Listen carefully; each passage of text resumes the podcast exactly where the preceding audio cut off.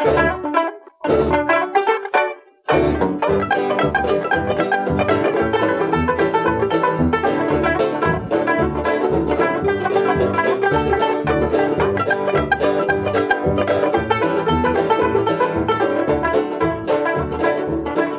och välkomna till Designpodden. Hej! Eh, Det här avsnittet kommer handla om Edsbyverken. Mm, det kommer du. Eh, Och vi har ju pratat om att göra ett avsnitt. Vi hade ju ett avsnitt om eh, Nässjö stolfabrik. Mm, precis Och, och då blir det lite så här att där jag kommer ifrån då, och så har vi gjort om möbelfabriken där.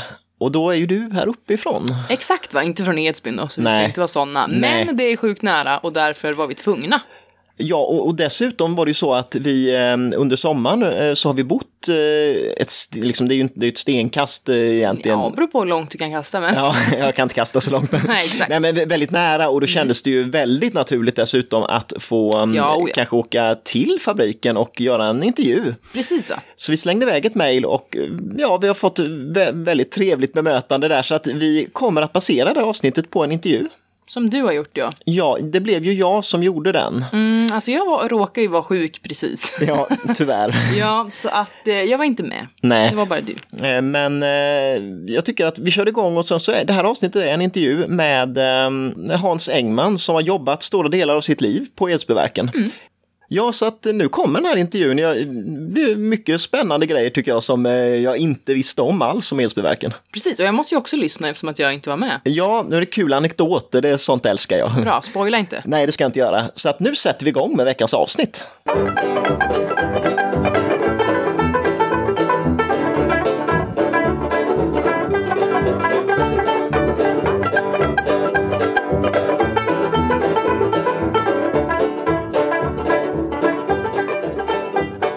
Heter Hans Engman och jag har jobbat på Edsbyverken sedan 1974 till eh, 2015. Varav eh, drygt 30 år på marknadssidan. Eh, Så att du har varit med under en stor del av den moderna historien av Edsbyverken. Ja, det kan man säga. Vi kan väl göra lite så att vi kan börja kronologiskt och sen så går vi igenom, eh, ja, helt enkelt eh, lite period för period där under eh, företagets historia. När började allting egentligen?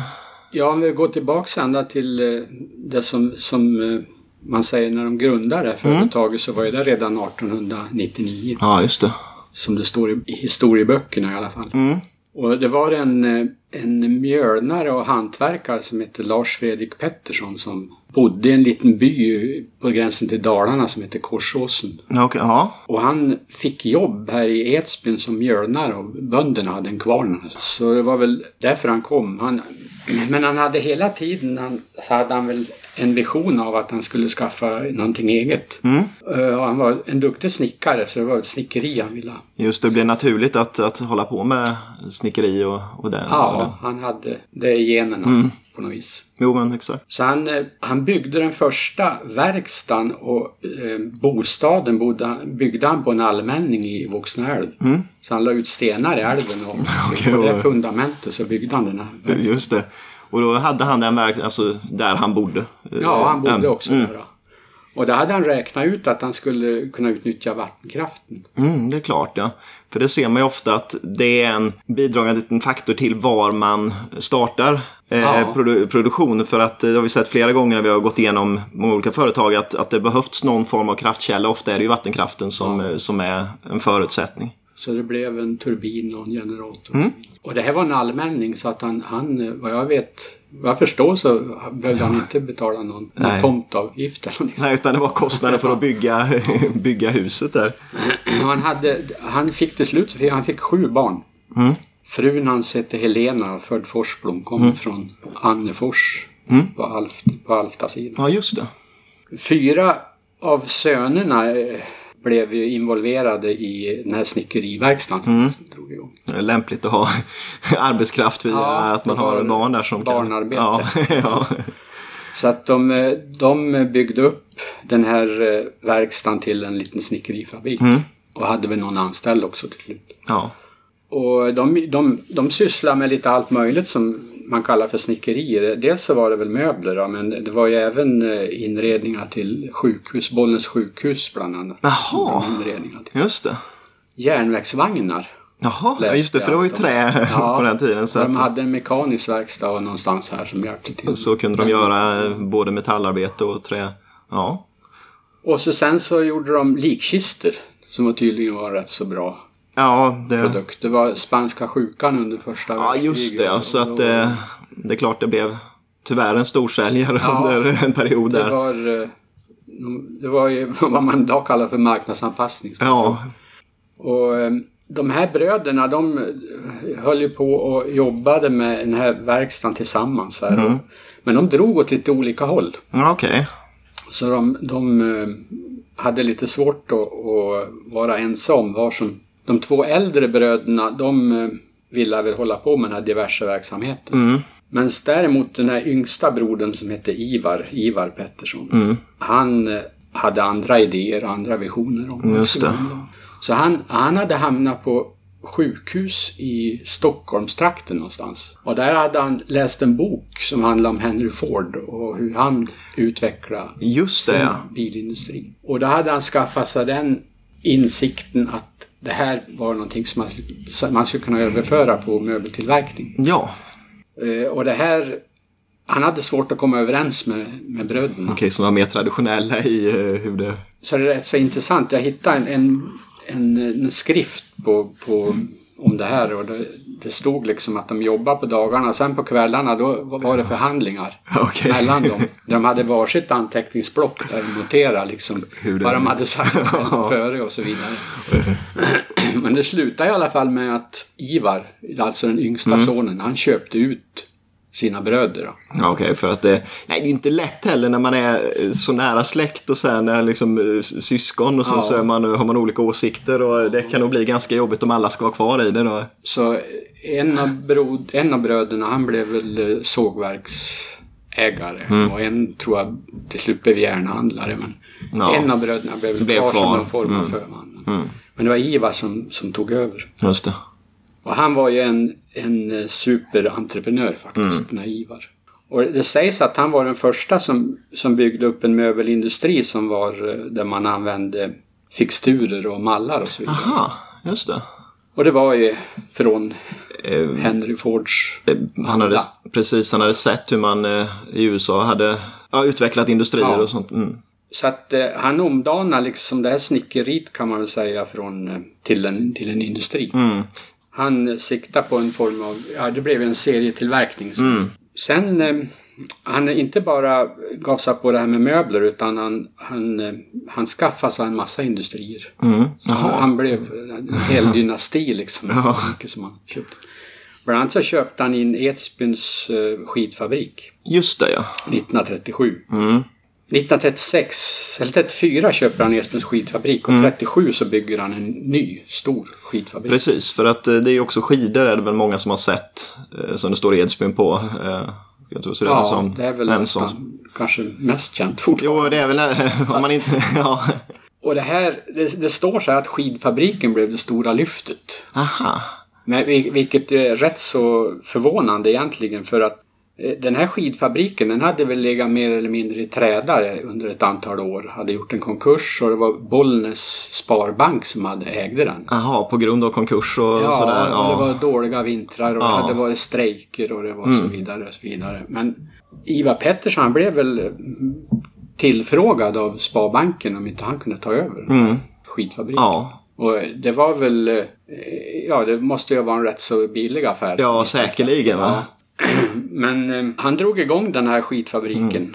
och byggde en ny fabrik som sagt var. Och när, när eh, han integrerade det här Mm. med sin övriga tillverkning då såg han direkt liksom att det fanns så mycket spillvirke och avfallsvirke som inte utnyttjas på rätt sätt. Aha, från, från, Från eh, skidorna då Det var ju ja. så höga krav på material Just för det. att tillverka en björkskida. Så att eh, då kom man på den här idén med pinnstolar. Ja, Att man skulle börja tillverka pinnstolar. just det. För att kunna ta tillvara mer av materialet och ja. inte få så mycket förlust, eller liksom spill i, i tillverkningen. Tillverkningen. Så eh, det, det startade han upp då under 30, slutet på 30-talet. Mm. De gick från 50 anställda 1932 till 245 anställda 1940. Ja, det är ju enorm ökning och sen så är det ju inte någon Det är ju en period som är ganska tuff i Sverige också egentligen generellt sett där. Så att eh, ja, det är ju Ja, det verkligen ju eh, det är krigs, eh, tuffa tider, tuffa tider där. Men det är ju också fascinerande att han då lyckas, det säger vi lite om honom kanske, att han lyckas då vända ett konkursfärdigt företag som är på nedgång till eh, något riktigt stort. Liksom. Ja, han tog hit en smålänning för att lära, för att lära sig att göra pinstolar. Just som eh, hette Viktor Andersson. Mm. Och han kom att kallas för Pinstols-Andersson. Okej, ja. Det verkar finnas någon viss koppling mellan Edsbyn och och Småland. Mm. För det, även idag så vet jag att våra största underleverantörer fortfarande är, från, är smålänningar. Ja. Verkar vara, verkar vara samma kynne. Ja, men exakt. Det är, det är väldigt... typ av folk. Jo, men det är lite så. Ehm, Det är väldigt likt. Jag vet ju eftersom jag är både eh, här uppe och nere i Småland väldigt mycket. Och det är både mentalitet och eh, allting är väldigt, väldigt Ja. liknande. Sen är det väl också just att de första pinstolarna i Sverige producerades i Småland och man eh, fick igång liksom, produktionen där Ja. efter de här amerikanska förlagen. Så att man kan ju spåra liksom, pinstolens historia. Vi hade ett avsnitt eh, som man kan lyssna på som, som är just om pinstolens historia och där man kan se hur den liksom har vandrat eh, till, eller till Hok egentligen från början i Sverige där eh, USA-emigranter förde eh, pinstolsmodellen, eh, liksom, de såg dem i USA, förde in dem i Sverige och sen så började det sätta igång. Men då var det ju de här tidiga produktionen var just det här som han inte ville ha, utan den här liten hantverksmässig produktion som inte egentligen kan ge någon större skala på det. Liksom, så att, Nej, och det var just den här amerikanska varianten av pinstolen, den här Windsor-stolen Ja. med, med böjd rygg. Den, den började de också tillverka runt eh, 1940. Mm. Och då tog de hit en annan smålänning som också heter Andersson. Ja. För att skilja dem på dem så kallar de den här för Böj Andersson. Okej, för då visste man. han var specialist på att böja trä. Okej, så han eh, höll på med det och då... Ja, så han tog hand om den biten med, med gungstolar också. Mm. Ja, just det. Så att de utvecklade den här tekniken. 1949 då, då överlåter eller köper Ivar Petterssons son Bengt Ivarsson Edsbyverken, Ja. möbelfabriken och skidfabriken. Då hade han en, en, flera industrier. Han hade e- möbelfabriken och skidfabriken som låg här inne i samhället. Ja, Sen hade han även skaffat sig en, en rätt så stor sågverk. Mm. Och en, en träförädling som producerar plywood och, och Mm. spånskivor. just det. Så man tog tillvara den lokala skogen Ja. egentligen och, och använde sig av det så Ja. att det var lokalt material. Det var lokalt, på den tiden så var det lokalt. mm.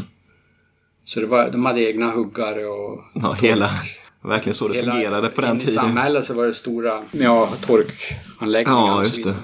Och Bengt Ivarsson, där, sonen, han tog över möbelfabriken och skidfabriken. Ja, Och dottern och hennes man, mm. familjen Järvefelt, de tog över sågen och ja. träförädling. Men man behöll det fortfarande bå, båda delarna i, inom familjen om man säger. Men det, det var det här som blev Edsbyverken, Ja, möbelfabriken. möbelfabriken där. Mm. Och man säger ju- man brukar, det finns väl någon, att man säger att det är tre generationer av ett företagande så är det första bygger upp, andra Ja. förvaltar och tredje. Just det, Bränner. det är väl en sån klassiker. Men eh, det var ju tvärtom i det här fallet Ja, med okej, Bengt ja. Ivarsson för han var ju en, eh, det var ju han som gjorde egentligen Edsbyverken till vad det Idag, känt för är idag, ja, precis. Det var det. Det, han, framförallt så byggde han ju upp den här gigantiska fabriken. Mm. Så det blev en fortsatt eh, kraftig expansion. Ja, Som slutar då med, egentligen med att han, han eh, byggde upp hela den här fabriksanläggningen på 60, under 60-talet. då, Just det. etapper. men tidigare låg det på samma ställe, fabriken? Nej, det låg, eller var det den, låg eh, efter Voxnälv in i samhället. Både Jaha, ja. skidfabriken och möbelfabriken låg en bit längre ner. Just det, så att det är då när han bygger som man bygger här där den Ja. fabriken ligger idag. Ja. Han flyttade Mm. alltihop. Edsbyverken gjorde även slalomskidor. Vilket nog många kanske inte känner till. Mm, Nej, det hade jag nog inte De hört. köpte ju upp en massa skidfabriker här. Mm. Bland annat, vad heter i, uppe i Östersund. Eh, en av de här större skidfabrikerna som gjorde utförsskidor i alla fall. Mhm. På 60-talet då tyckte Fischer att man ska göra någon form av joint venture Mm. på skidsidan. Som Edsbyverken skulle producera längdskidorna åt Fischer Jaha, och la ner eh, skid, tillverkningen av, av utförsskidor. just det. så, så gjordes någon form av avtal. Mhm. Men det där avtalet höll inte så länge. Nej, okej. Förrän Fischer började på att göra egna Jaha, längdskidor. det gjorde När de. det började på att bli lite volymer. Just det, och då eh, Sen återupptogs aldrig det här med... slalomskidor. Slalomskidor Nej. Nej. Men det var en rätt så stor satsning Mm. på slalomskidor.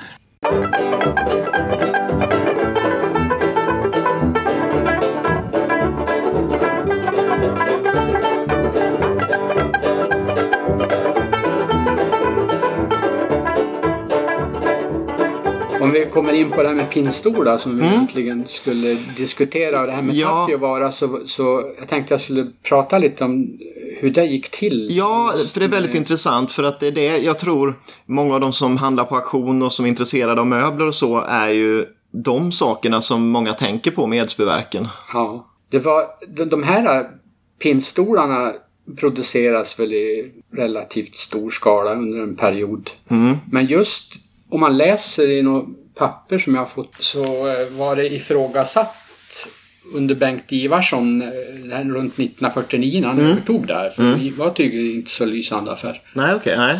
Och då var det en bas på pinnstolsfabriken som heter Lennart Karlstorp. Mm. Och han får en idé om att man skulle kunna tillverka pinnstolar med en formpressad sits. Just det, precis. För det är det jag har hört där att han var den som egentligen gjorde den första Ja. eh, fanetten då, man säger. Ja. Så att eh, han gjorde en, den första stolen som gjordes, den, den gjorde de lite grann i smyg. Okej, för det var inte så kvällarna. populärt egentligen Nej, att man skulle på satsa på det. Han Ja. kanske var rädd för att bli utan jobb, jag Ja. inte. Men han eh, gjorde en pressmall i gips ja. som han skulle pressa den här första sitsen. Mm. En kväll i fabriken. Och den här gipsmallen den exploderade. ja, just det, det har jag läst någonstans. Han, dels så blev han ju förblindad där i dammet. Ja. Han höll inte på att hitta ut och så vidare. Så att, men han gav inte upp. Så han, han, hade, han tog hjälp av en uppfinnar-Jocke som heter Kalle Hedman som Mm. hade här på, på verkstaden. Ja, Och han, eh, han sa att han skulle blanda i kornmjöl i, i gipset för att få ner fukthalten och sådär. Så han Ja. hade trix. Så de byggde en ny, ny en form i ny gips. form då. och den höll. ja. Så de pressade ihop en sån där stol Mm. som eh, hade den där formen med eh, en vindsorstol egentligen. Ja, i övrigt, ja. Ja. Och det var den första fanettstolen och det här var 1949. ja.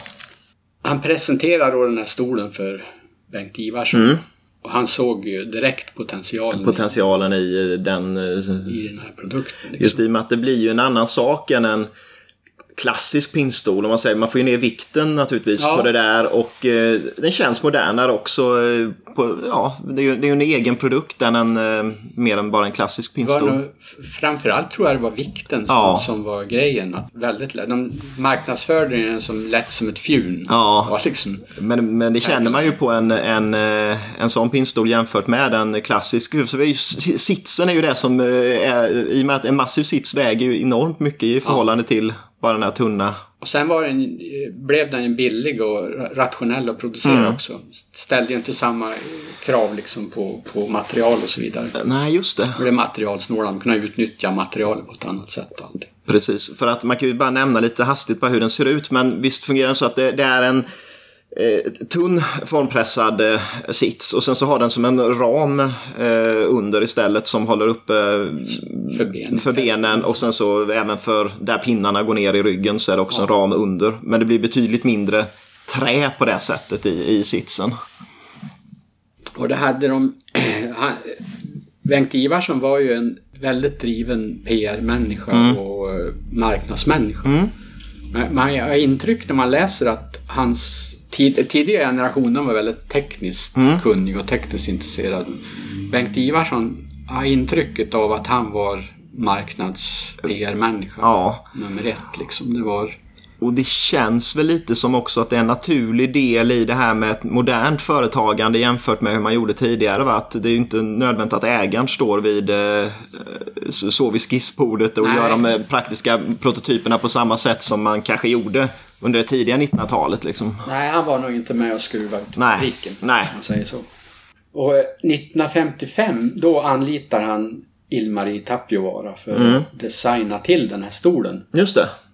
Och det är den modellen då, 55T som med sex ryggpinnar som blev den kända fanettstolen kan man säga. Precis, och det är ju den som det är nog den många har i huvudet när man tänker fanett. Ja. För den här tidigare, den, det finns ju en modell eh, den här med svängd, alltså en bågformad rygg då, en Windsor-rygg egentligen. Och den, den skrivs ju lite, så det kan man ju passa på att nämna också, för den skrivs ju ofta felaktigt på auktion till exempel, eller av många handlare också som Tapiovaara, men han har ju inget med den att göra då, jag har förstått, Nej. utan det är...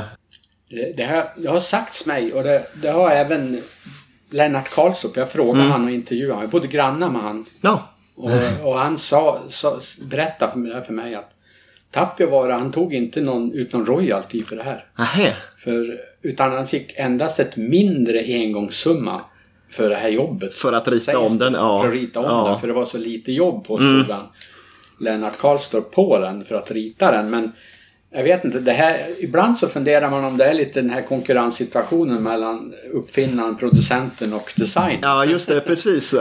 Och vad mindre engångssumma, det vet man ju inte. nej, nej, det vet man ju inte. Det vet man ju heller inte. Eh, för att, eh, för det är klart, stommen fanns ju där. Eh, eller alltså sitsen och det som Ja. många tänker på fanns ju där redan. Men sen är ju i övrigt är den ju ganska kraftigt modifierad om man säger med, med ryggen särskilt då.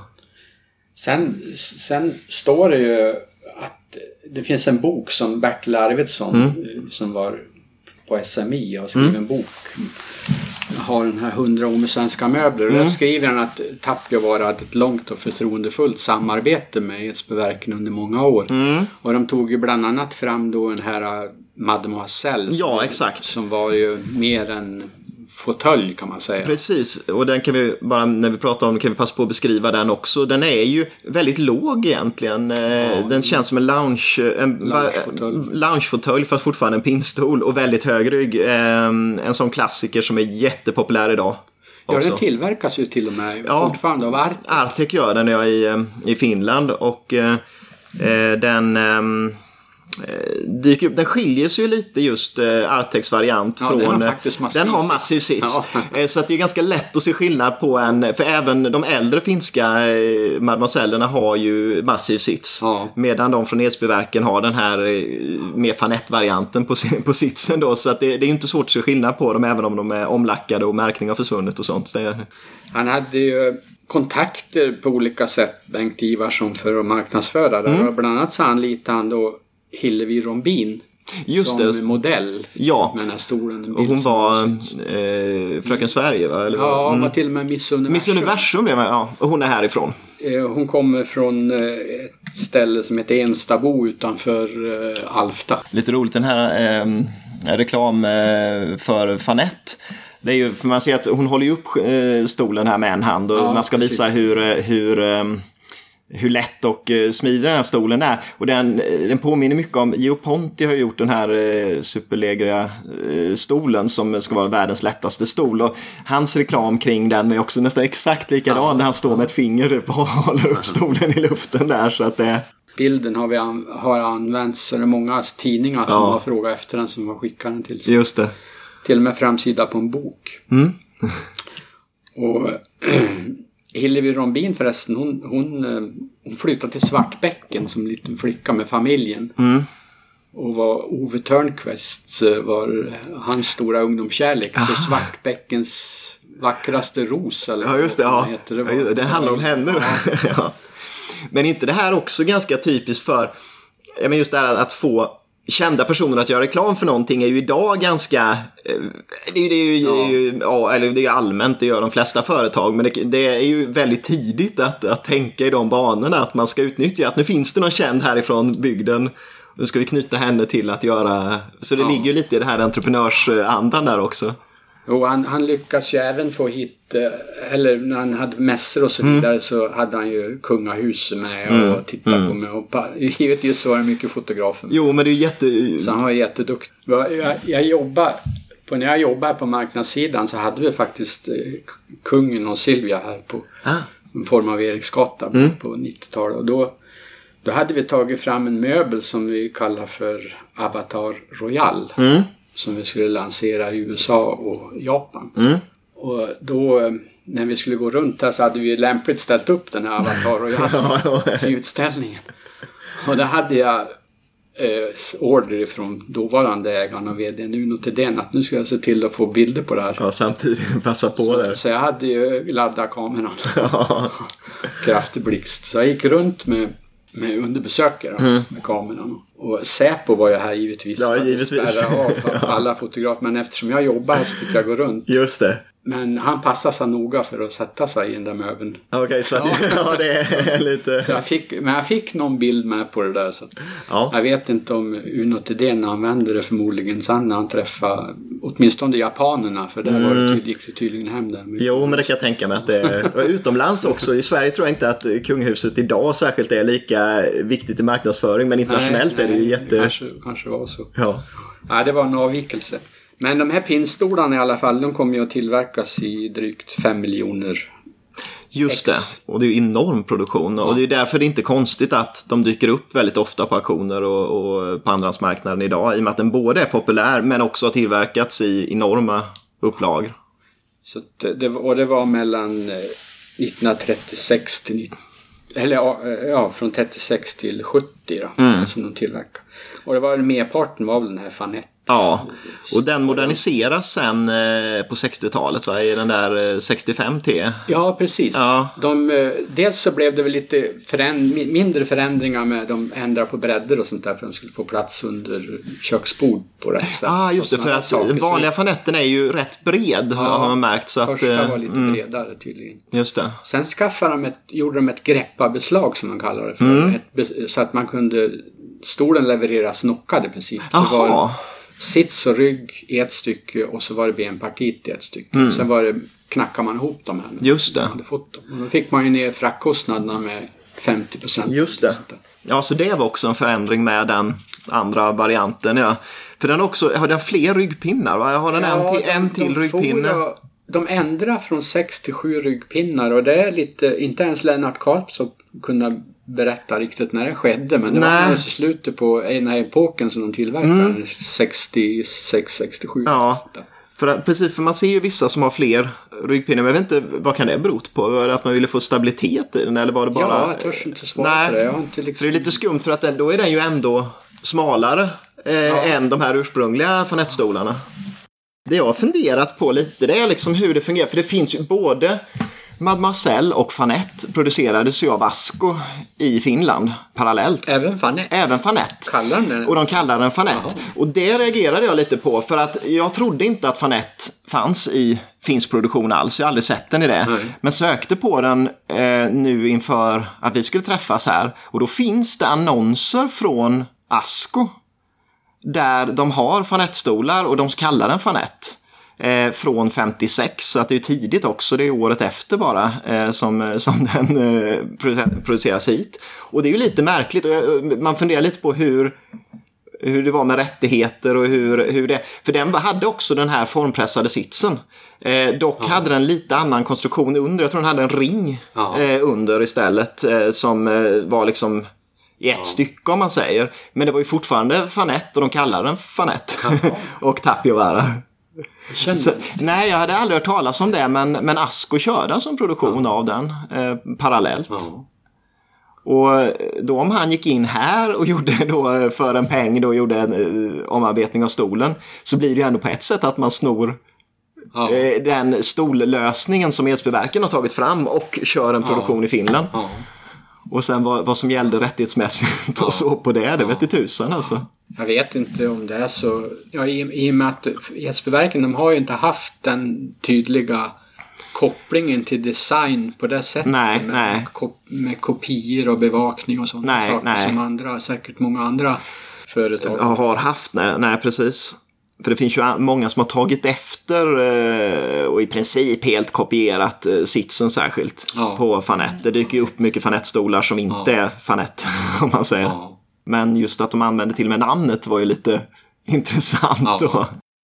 Men ehm, det här med pinnstol, även det tog ju slut. Ett, Ja. ett slut 1970. Ja. Och, det, och det här var ju säkert en, en, en chock för många. Ja, när de la ner den. För då hade man byggt upp den här fabriken på 40 000 kvadratmeter som Ja. var väl en av Europas större fabriker i Ja. ett plan. Ja. Och det var ju skidor och pinnstolar som var liksom två stora produkter. ja. Och den var klar 67 var fabriksbyggnaden klar, 69 var kontoret klart. Mm. Och sen så precis Så- efter det lägger man ner. Ja. Eh, Och då står det så här i böckerna att Mm. Bengt Ivarsson hade varit på en resa till öststaterna. Ja. Jag misstänker att det kan ha varit någon sån här resa som i branschförbund eller någonting. ja, just det. Jag misstänker att det var Ja, ja.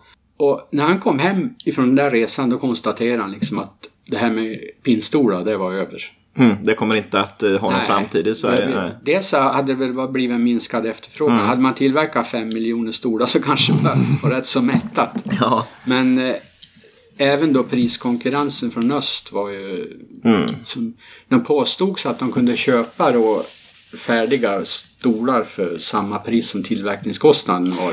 Ja. här.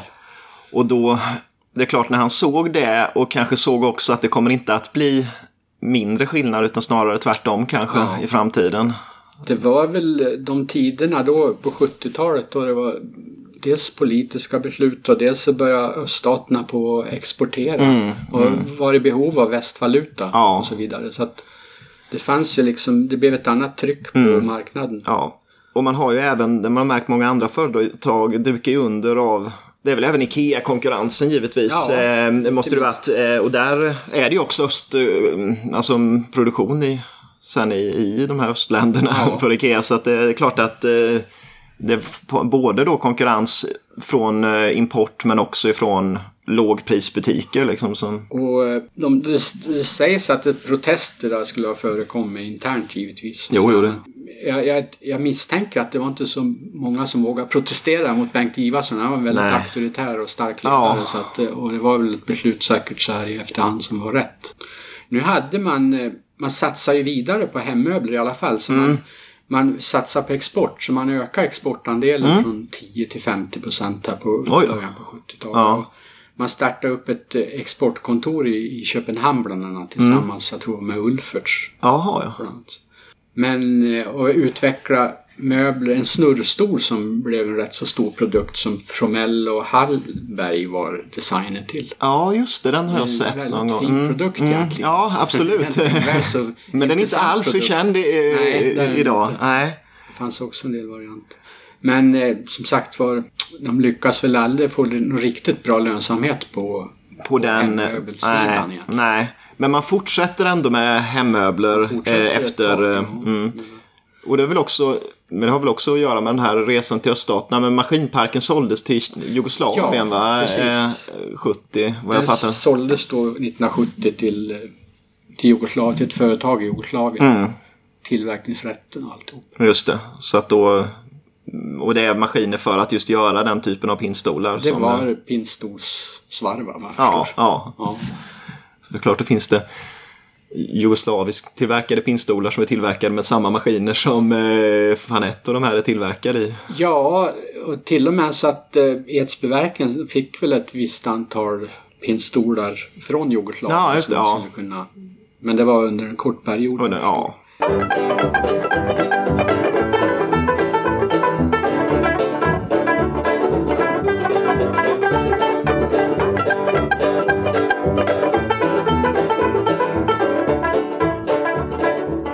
Parallellt med det här med skidor och pinnstolar så hade man ju börjat på med kontorsmöbler på 40-talet. Mm. Och det här blev ju en allt större produkt och det, det är väl, kan man säga, kontorsmöbler har ju sedan dess egentligen varit den bärande Delen i... Mm. grenen i Edsbyverken. Ja. 1946 så skrev man det första avtalet med, med staten, med Mm. FMV, alltså strax runt, ja, efter krigs... Ja, just det. Det byggdes väl upp mycket statliga organisationer och så vidare. Precis efter kriget. efter kriget. Och faktiskt även här så var skidorna inblandade. Jaha. För Edsbyverken hade då producerat skidor till försvaret Mm, ända sedan 1905 eller någonting sånt. Ja, så att de gjorde försvaret skidor. i- Ja, den kända vita blixten. ja. Vad jag har hört sägas, eller vad är säkert nedtecknat Mm. någonstans, så fick de en förfrågan eftersom ni även gör möbler. Kanske ni kan leverera möbler, kontorsmöbler. Så det blev också även där skidorna lite en inkörsport till de här offentliga möblerna för, eh, statlig, Ja, för måste statliga hållet. Ja. Och det är klart, det är ju rätt naturligt. Man vill ofta fortsätta. Sam tycker man att samarbete går bra med någon eh, leverantör så vill man gärna fortsätta det. Och då, ja, när man Ja. tillverkar möbler också så blir det rätt naturligt. Och Men, då i början vad jag förstår så var väl Edsbyverken ensam en Mm. leverantör också då, till staten eller FMV Ja, som det kommer ja. att heta då, Försvarets materiel. ja, Och det kommer ju innebära då att det var ju inte bara, ja det var ju posten och polisen och skattemyndigheten. ja, och sådana. Det var ju en jätte, eh, det var en jättekund liksom. Ja, det blir också det blir lite på ett annat sätt än bara privatkunder. Men det är en eh, väldigt, en men väldigt stor och stabil eh, kund. Och sen eh, kontorsmöbler och, FMV, det var ju nästan i 20 år så var väl i princip den enda kunden som Ja. Edsbyverken hade. Så Ja. det, det blev ju, samtidigt som det var väldigt bra att ha en, en sån stark kund Mm. Ja. att kunna producera till, så blev det ju också Det, ja, det är det är känsligt. Ja. känd liksom för att vara en statlig. ja, just när man kommer in i lite i ett fack. Ja, eh, och blir eh, statliga möbler kanske inte de som uppfattas som mest. Spännande generellt sett eh, bland folk. Även om på den tiden så kanske det var staten som var absolut Ja, störst. ja men absolut. absolut. Så att det var först i slutet på 60-talet som man började på att fokusera på att eh, komma in på, på civila marknaden. Ja, ja. Civila kontorsmöbelmarknaden. Så det här var eh, Egentligen så tar den här historiken Ja. Mm. med familjen Pettersson Ivarsson, det här familjeföretaget. Det tar slut 1974. Okej, och vad händer då? Då, då säljer Bengt Ivarsson företaget helt överraskande måste det vara. För han var ja. bara 56 år. Ja, så att det var inte att han eh, egentligen behövde pensionera det sig var eller så, ju- utan... Och företaget gick bra. Mm. Men av någon anledning så vill han inte... Ja, det, var, det, det gjordes en försäljning samtidigt av alla de här större företagen på orten. Mm, Okej, Så- ja. Den här, hans syster och, och familjen Järvefält, de sålde träförädlingen. Mm. Ja. Och eh, snickeriprodukter som med fönster Mm. hade 300 anställda. De, de sålde. Ja. Och Edsbyns industriaktiebolag, Eja, som höll på med sågar, Mhm. sålde också till Sandvik. Så att det var drygt, det var säkert en 1000, 11, 1100 anställda som helt plötsligt fick en. Helt nya, Arbetsgivare. Ja. Och det blev storföretagen som gick in. ja, men det är lite intressant. Jag vet inte vad det beror på att det sker just under den tiden där. Är det... Ja, det man, man, man frågar så säger de att det, dels så blev det en ny... Jag vet inte om det hann bli eller om det skulle bli nya arvsskatteregler. Aha, ja. Och såna saker. Så att det var fördelaktigt att inte ha kvar för, företaget i, i familj, alltså privatägt på det Ja. sättet. Mm. Det, var, det är i alla fall eh, Mm. en orsak som jag har. Man har hört kring Hört. det. Ja. Men eh, hur mycket sanning det ligger i det, det vet jag vet Nej. man ju inte. Nej. Det Och sen, kanske var, eh, de tyckte liksom att de hade gjort sitt. Ja, sen vet man ju inte hur mycket just ändå att när han där såg lite hur låglöneländer kunde producera och sånt där, hur mycket oro han såg över framtida utveckling och sånt också liksom och vilken framtid man hade om man inte satsade väldigt mycket och ställde om produktioner och sånt. Det, det kan ju kanske ha spelat in också egentligen. Ja. Sånt där. Det, så var det säkert. Ja, För eh, Stab som då det hette, Svenska Tändsticksaktiebolaget som sen blev Swedish Match. Mm. De hade en byggmaterialdivision som de, Mm. där Edsbyverken har blivit införlivat i. just det. Så det är de som går in och köper, Ja, det var de köper Edsbyverken. Och den här, eh, de omsatte då en och en halv miljard i den här divisionen. Ja. Så det var en jätte... Jättes... Mm. Förutom Edsbyverken så blev lite längre fram så blev Tua uppköpt. Tuaverken som var ju en konkurrent till Edsbyverken kan man säga. Just det. Kontorsmöbelproducent. Ja, men då blir de införlivade också i samma. eh, Mm. Och Draiko Byråmöbel, tyskt företag, Just det. också, blev också uppköpt. Och där ingick också då Marbodal och Stabprodukter bland Jaha, annat. just det. Och totalt så ska Stab ha eh, införskaffa ett 50-tal företag, större och mindre, i, i den här byggnaden. Ja, det var- 74. Så då blev man ju helt plötsligt involverad då i en, i en stor division. I- då. Från att vara det här lilla familjeföretaget Just så det. hamnar man helt plötsligt i en helt annan verklighet. Det måste bli ganska stor omställning för både för, alltså för hela företaget. För det blir en helt annan verklighet att eh, arbeta i. Ja, det var ju... Det. Mm. Så blev, bland annat så blev det mycket rapporter. Ja, det är väl en sån klassiker då. Så, det blev ju, så att det, det var ju en rätt så stor omställning. Ja. det blev ju strategier och sånt blev förändrat. Ja, ja. Och det blev ju en fokus då på, på skidor och kontorsmöbler. Mm, mm. Så det här med hemmöbler det blev väl mer eller mindre lagt på is kan man Ja. säga. Men skidtillverkningen finns kvar där De satsar. Många tror ju att de, de, att de inte satsar på det här med skidor. Mm. Att det var det som gjorde att, de, att skidorna försvann. Och det, så var det inte till en början. Swedish Match, där de såg det här som en profilprodukt. Ja, just det, just det. En konsumentprodukt Mm. som man skulle kunna...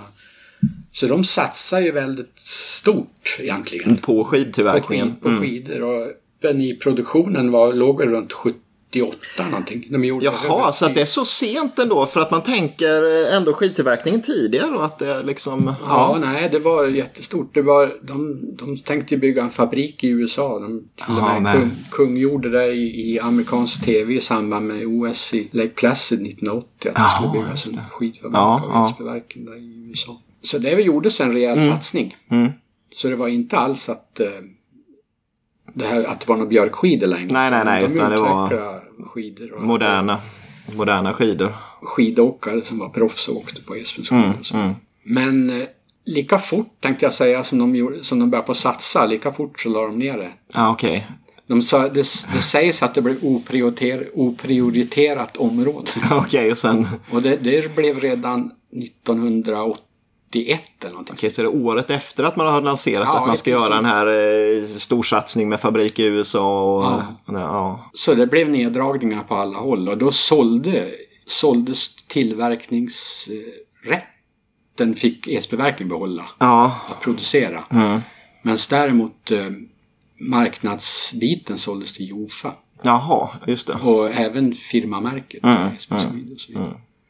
Så att vi hade, då hade man i princip bara en kund och det var Jofa. Ja. Så skulle man producera till dem. Och sen dröjde det inte så länge så var även kontorsmöbelbiten oprioriterat Jaha. område. Och så redan 1982 Mm. så, så avvecklas alla de här möbelfabriker och så vidare. Ja, Okej, så att det blev...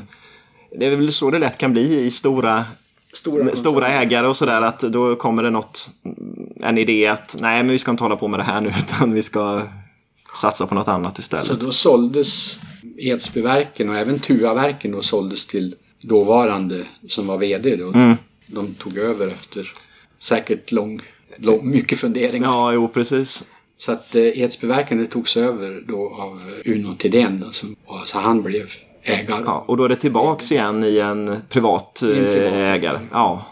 Så det är från och med 1982. Ja. Och det här med skidtillverkningen då för, för Uno Thedéen det var ju en kvarnsten egentligen. Mm. Ja, ja. Han hade ungefär 80 anställda här på skidfabriken. Och, Just det.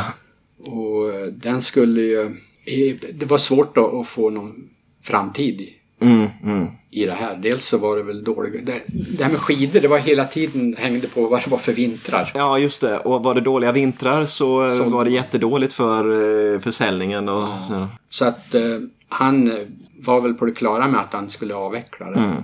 Han hade, jag vet inte om jag ska säga att man hade tur, för det, det har man väl inte kanske. Men- men... men vi hade kommit in på amerikanska marknaden med en hemmöbelserie som hade startats upp av Swedish Match. Aha, ja. Och den produceras på olika industrier Mm. som Swedish Match ägde, varav Edsbyverken var en. Hade producerat en liten del för skandinaviska marknaden. Just det.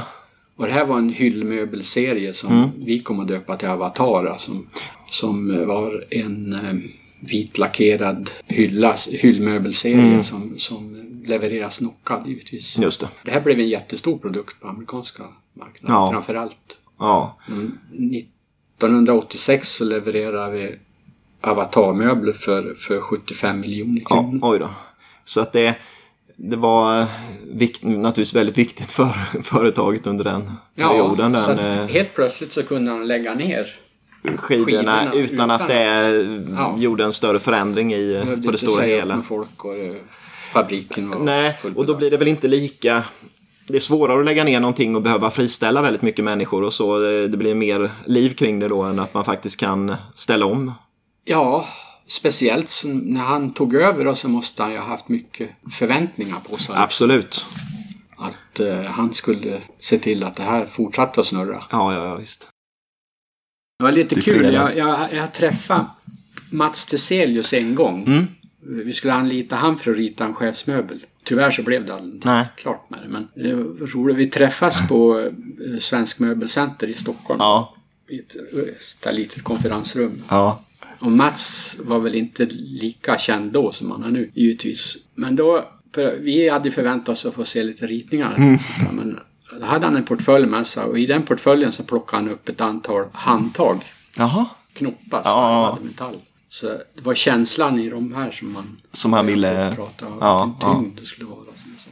och så sen så rätt vad det var så buckade han sig ner i den där väskan eller portföljen och så plockade han fram en revolver. Ja. Men liksom jag såg och visste Ja, vad- vad- på att... Vad är det här liksom? Ja, och då sa han så här att så här ska det låta när man stänger en skrivbordslåda, sa han. Och så, sköt han av ja, då han, hade inga, han var inte laddad. Nej, men- själva klick. Klicket som är... Det skulle kännas rik, eller ja, gediget, rejält. Ja.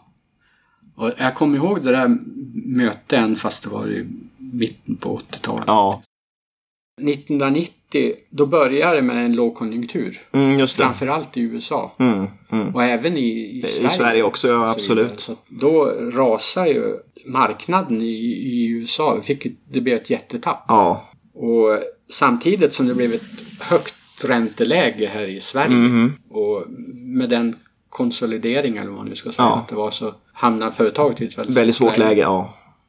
Under de här, så det var tuffa år 1990 till Mm, 1994.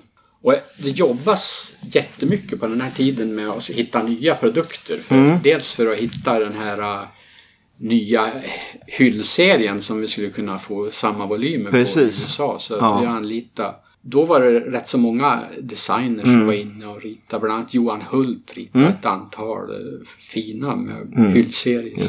Och i samband med det också som vi hade den här Avatar Royal. Som jag berättade om.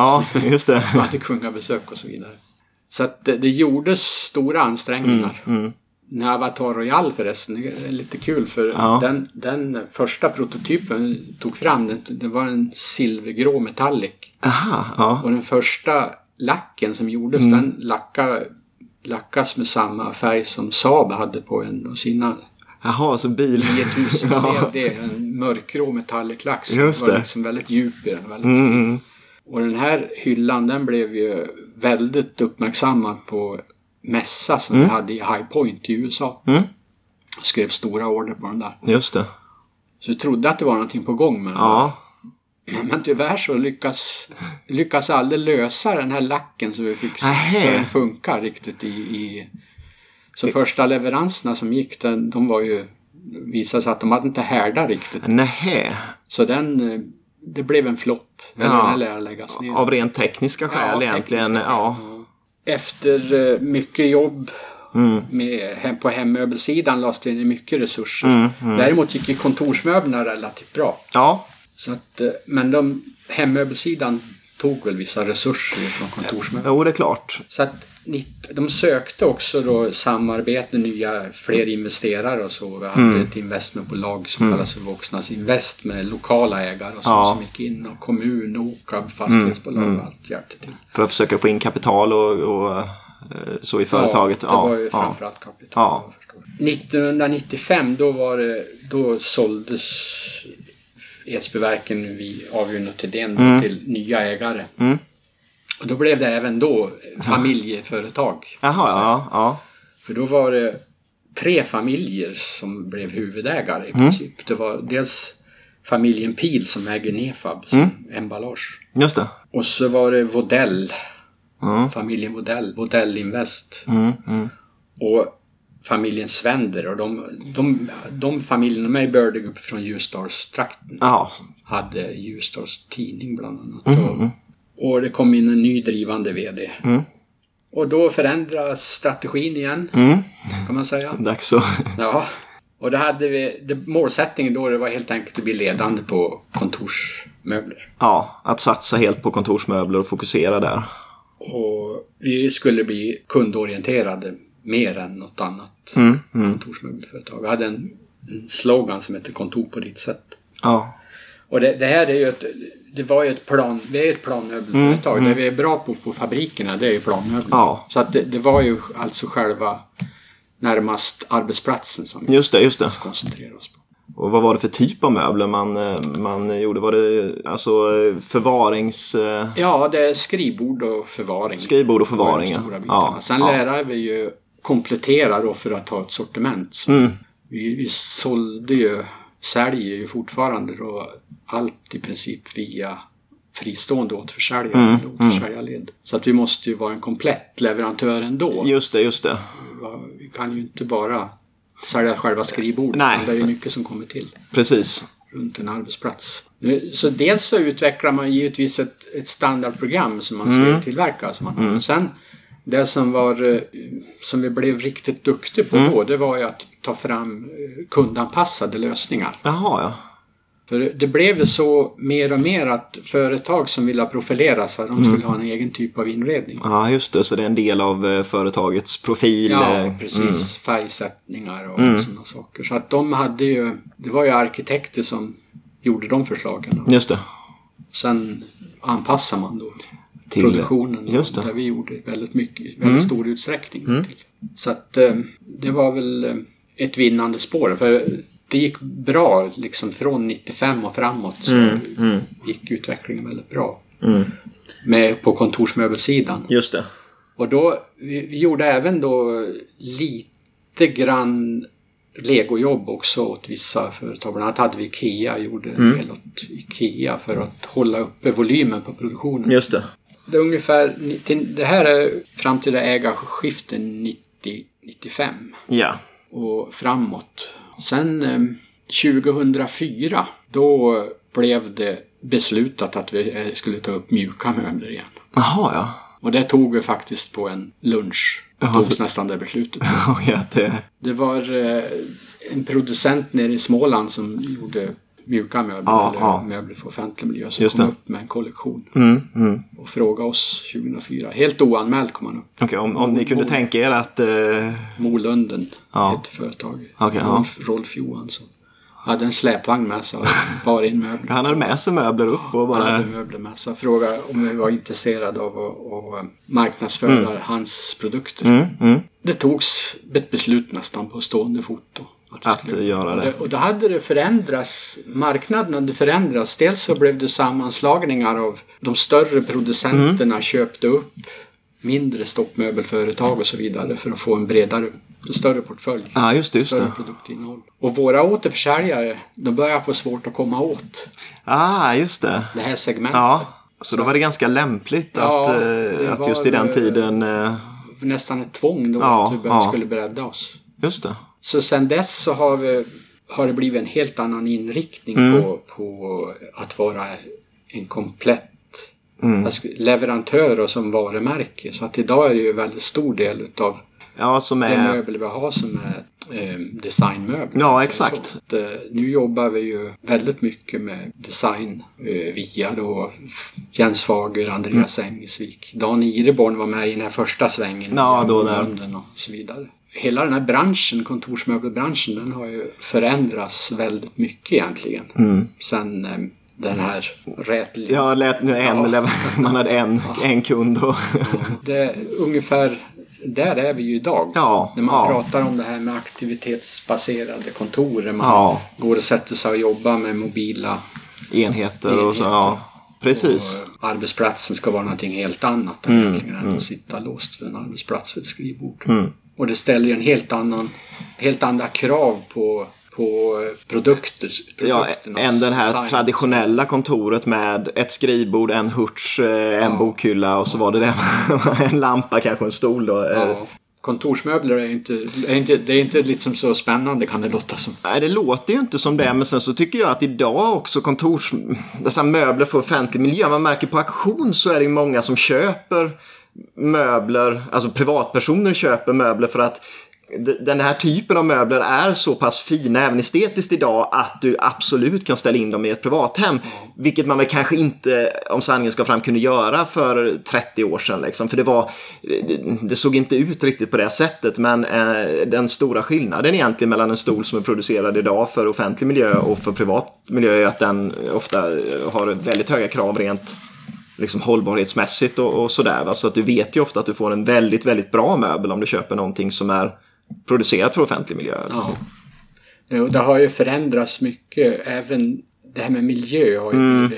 jag tänker miljömässigt. Ja, En, en av de större förändringarna som har skett det Mm. bland annat så är det ju det här med ytbehandling och sånt. ja vad man använder för, eh, för material. Så det ska ju vara svanenmärkningar Mm, och så vidare. Och det är ju vattenbaserat och UV-lacker och så vidare. Så att det, där har ju skett en Ja, otrolig förändring i sätt att producera. Just det, för att ha så minimal miljöpåverkan som möjligt.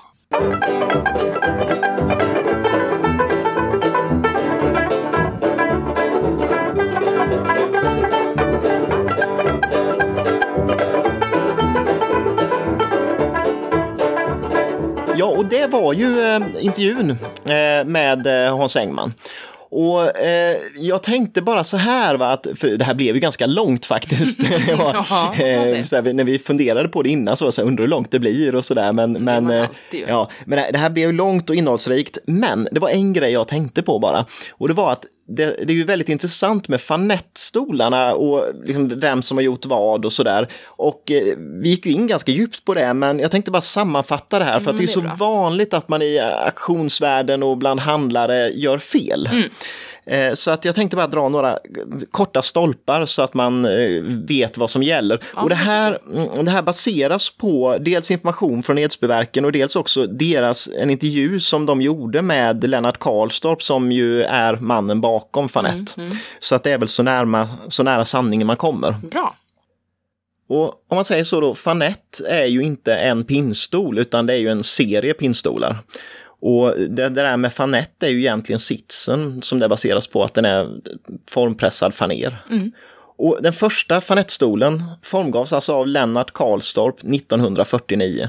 Och den första prototypen, den gjordes, den var tydligen klar till den 13 oktober, den finns daterat Jaså, oj. 1949. Och den eh, det ser ut som, alltså vi har faktiskt en sån pinnstol fast inte fanett. Och det är ju den klassiska sitsen då, men sen så är ryggen, det är bara två pinnar upp och sen så en bred ryggbricka. Och så såg den första ut. Men den gjordes ju aldrig någon serieproduktion på, utan det var bara ett sätt att testa eh, liksom hur den här sitsen skulle fungera i, i verkligheten. Men de första fanettstolarna som kom i produktion, eh, de kom också i produktion där 1949-1950, precis i den vevan. Och då är det Lennart Karlstorp som är eh, formgivare på dem Mm. Och ingen annan. Ja, och då var ryggen, den bestod av fyra pinnar och sen så en båge. Så att det är lite så här Ja, Windsor-stuk verkligen. på dem. Eh, och, och de till exempel, de skrivs ofta felaktigt, Ilmari Tapiovaara, på. Asså, nej. Men, men eh, Tapiovaara har ju ingenting med dem att göra och han har ju ingenting heller med sitsens konstruktion att göra. Nej. Sen då eh, 1955, det är ju då eh, Tapiovaara blandas in i Edsbyverken. Och han ritar om ryggen på eh, fanettstolen. Och han själv tyckte att det var ett så litet jobb att han egentligen inte ville ta någon royalty på det, utan att, för att stolen fanns ju redan så han bara gjorde lite finlir på den. Och den stolen är den som de flesta har sett och de flesta känner igen. Modellen heter 55T. Och av någon anledning så kallas den generellt sett T55 och det är helt fel, den heter 55T. Eh, P lite petigt sådär, men, men jag vet inte varför man skriver fel. Nej, För det att, finns ingen anledning. nej. Ehm, och det man kan nämna om den stolen är att den hade vissa grundläggande brister egentligen, och det var måtten. Eh, Den är för bred. Eh, Sitsen är så bred att två stolar i regel inte kan stå bredvid varandra mellan benen på ett matbord. Jaha, ja, det... Eh, Och det är ju lite synd. men det är ju skönt att kunna ha bred röv. Ja men absolut, så att det är väl liksom fördelen. Då får man egentligen bygga ett större bord. Ja, exakt. Men det var väl att många upplevde det som hade ett standardbord hemma, liksom att Ja, det förstår, funkar inte. Ja, mm. Och då ritar Karlstorp igen om Fanett. Och det gör han under ett par gånger på 60-talet. Man vet inte eh, liksom exakt när det här skedde tydligen, för det är lite svävande och Karlsson själv hade inte riktigt koll på exakt årtalen. Men den första förändringen som görs, det är att sitsen blir smalare. Mm. Det, då blir det mer som en standard pinnstol i bredd.